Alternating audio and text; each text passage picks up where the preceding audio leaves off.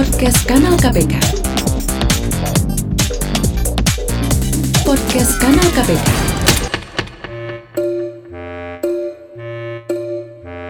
Halo, ketemu lagi dengan Kak Aryo di kanal Dongeng, kanal KPK. Untuk anak Indonesia, berani, jujur, hebat. Nah, sekarang kakak akan bercerita di sebuah hutan. Di sebuah hutan itu ada satu pohon yang tinggi, besar, dan rindang dan lebat sekali dedaunannya. Pohon itu berdiri tumbuh kokoh di pinggir sebuah danau. Danau yang tidak terlalu luas, ya kolam kecil lah. Tapi di danau itu ada banyak sekali ilalang dengan tumbuhan yang penuh dengan bunga warna-warni. Kalian tahu, ada yang menarik di pohon besar itu, pohon besar yang di pinggir danau yang kecil. Ada satu sarang lebah yang menggantung di satu ranting yang cukup besar. Setiap pagi, lebah-lebah di sarang itu akan keluar.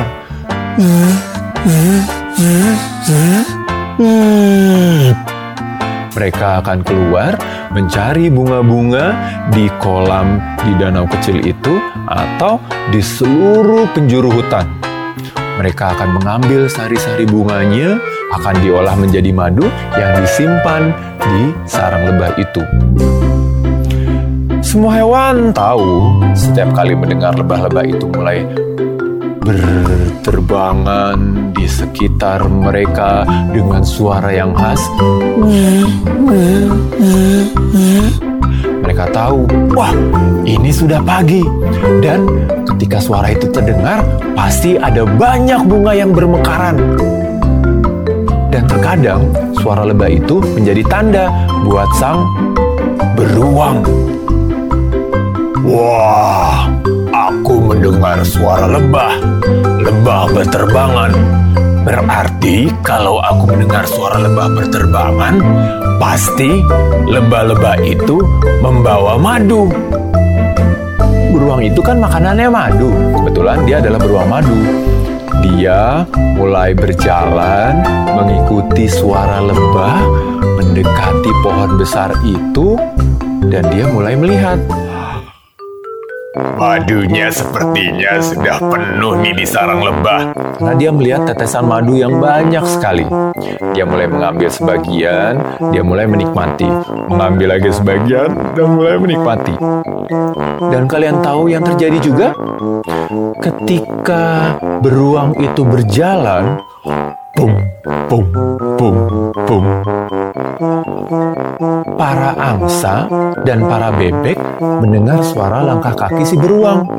Mereka berkata satu sama lain, Wah, beruang berjalan nih. Dia pasti mau mengambil madu di sarang lebah yang ada di pohon di pinggir kolam yang besar itu. Eh, tidak terlalu besar lah.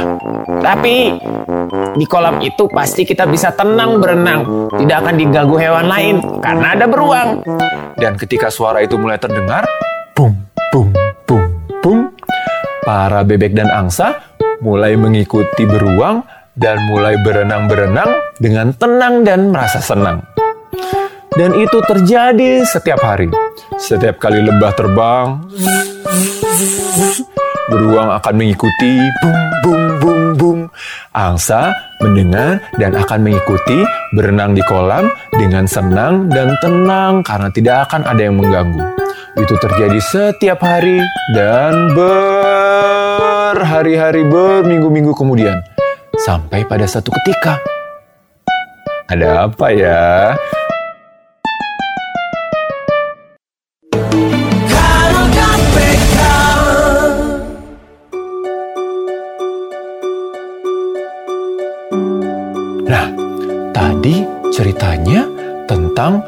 Lebah yang kembali ke sarang lebah setelah mengumpulkan madu, kemudian beruang yang mengikuti karena meminta madu-madu untuk dia makan, dan bebek-bebek dan angsa yang mengikuti beruang karena dia tahu ada beruang sehingga dia bisa berenang-renang dengan tenang dan senang karena tidak ada lagi hewan-hewan yang akan mengganggu mereka karena ada beruang di situ.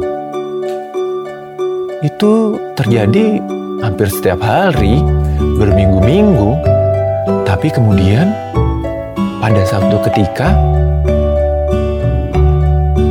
ada lebah-lebah yang merasa malas. Aduh, malas nih. Kita istirahat yuk. Libur yuk. Kita tidak usah bekerja deh.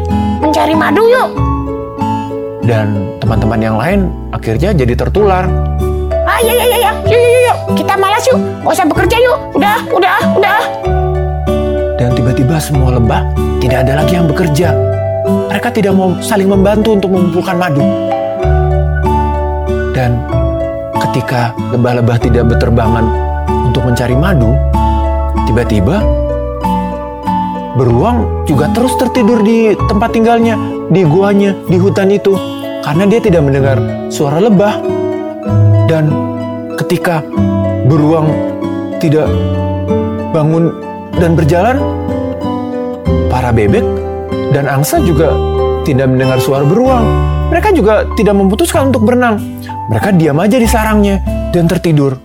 Dan ketika kolam itu tidak direnangi, mulai tumbuh semak-semak dan mulai kotor dan ikan-ikan mulai susah untuk bernafas. Mereka mulai hilang. Dan ketika ikan-ikan tidak ada, hewan-hewan yang lain juga merasa terganggu. Dan tiba-tiba mulai terjadi kekacauan di hutan itu. Suatu ketika, satu lebah bangun. Dia melihat kolamnya tidak ada airnya dan kotor. Tidak ada bunga lagi. Dan hutan menjadi kering, berantakan. Aduh, bagaimana ini?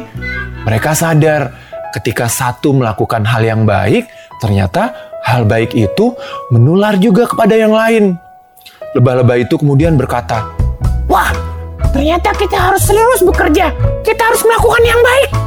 Lebah-lebah kemudian menjelajah hutan dan semakin jauh demi mencari sari-sari bunga untuk membuat madu.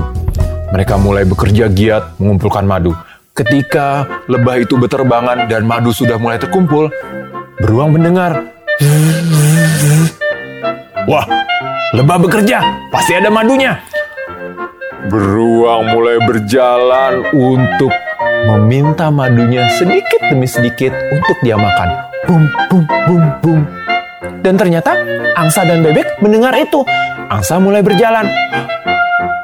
Mereka tahu kalau beruang sedang berjalan menuju pohon besar itu untuk membuat madu.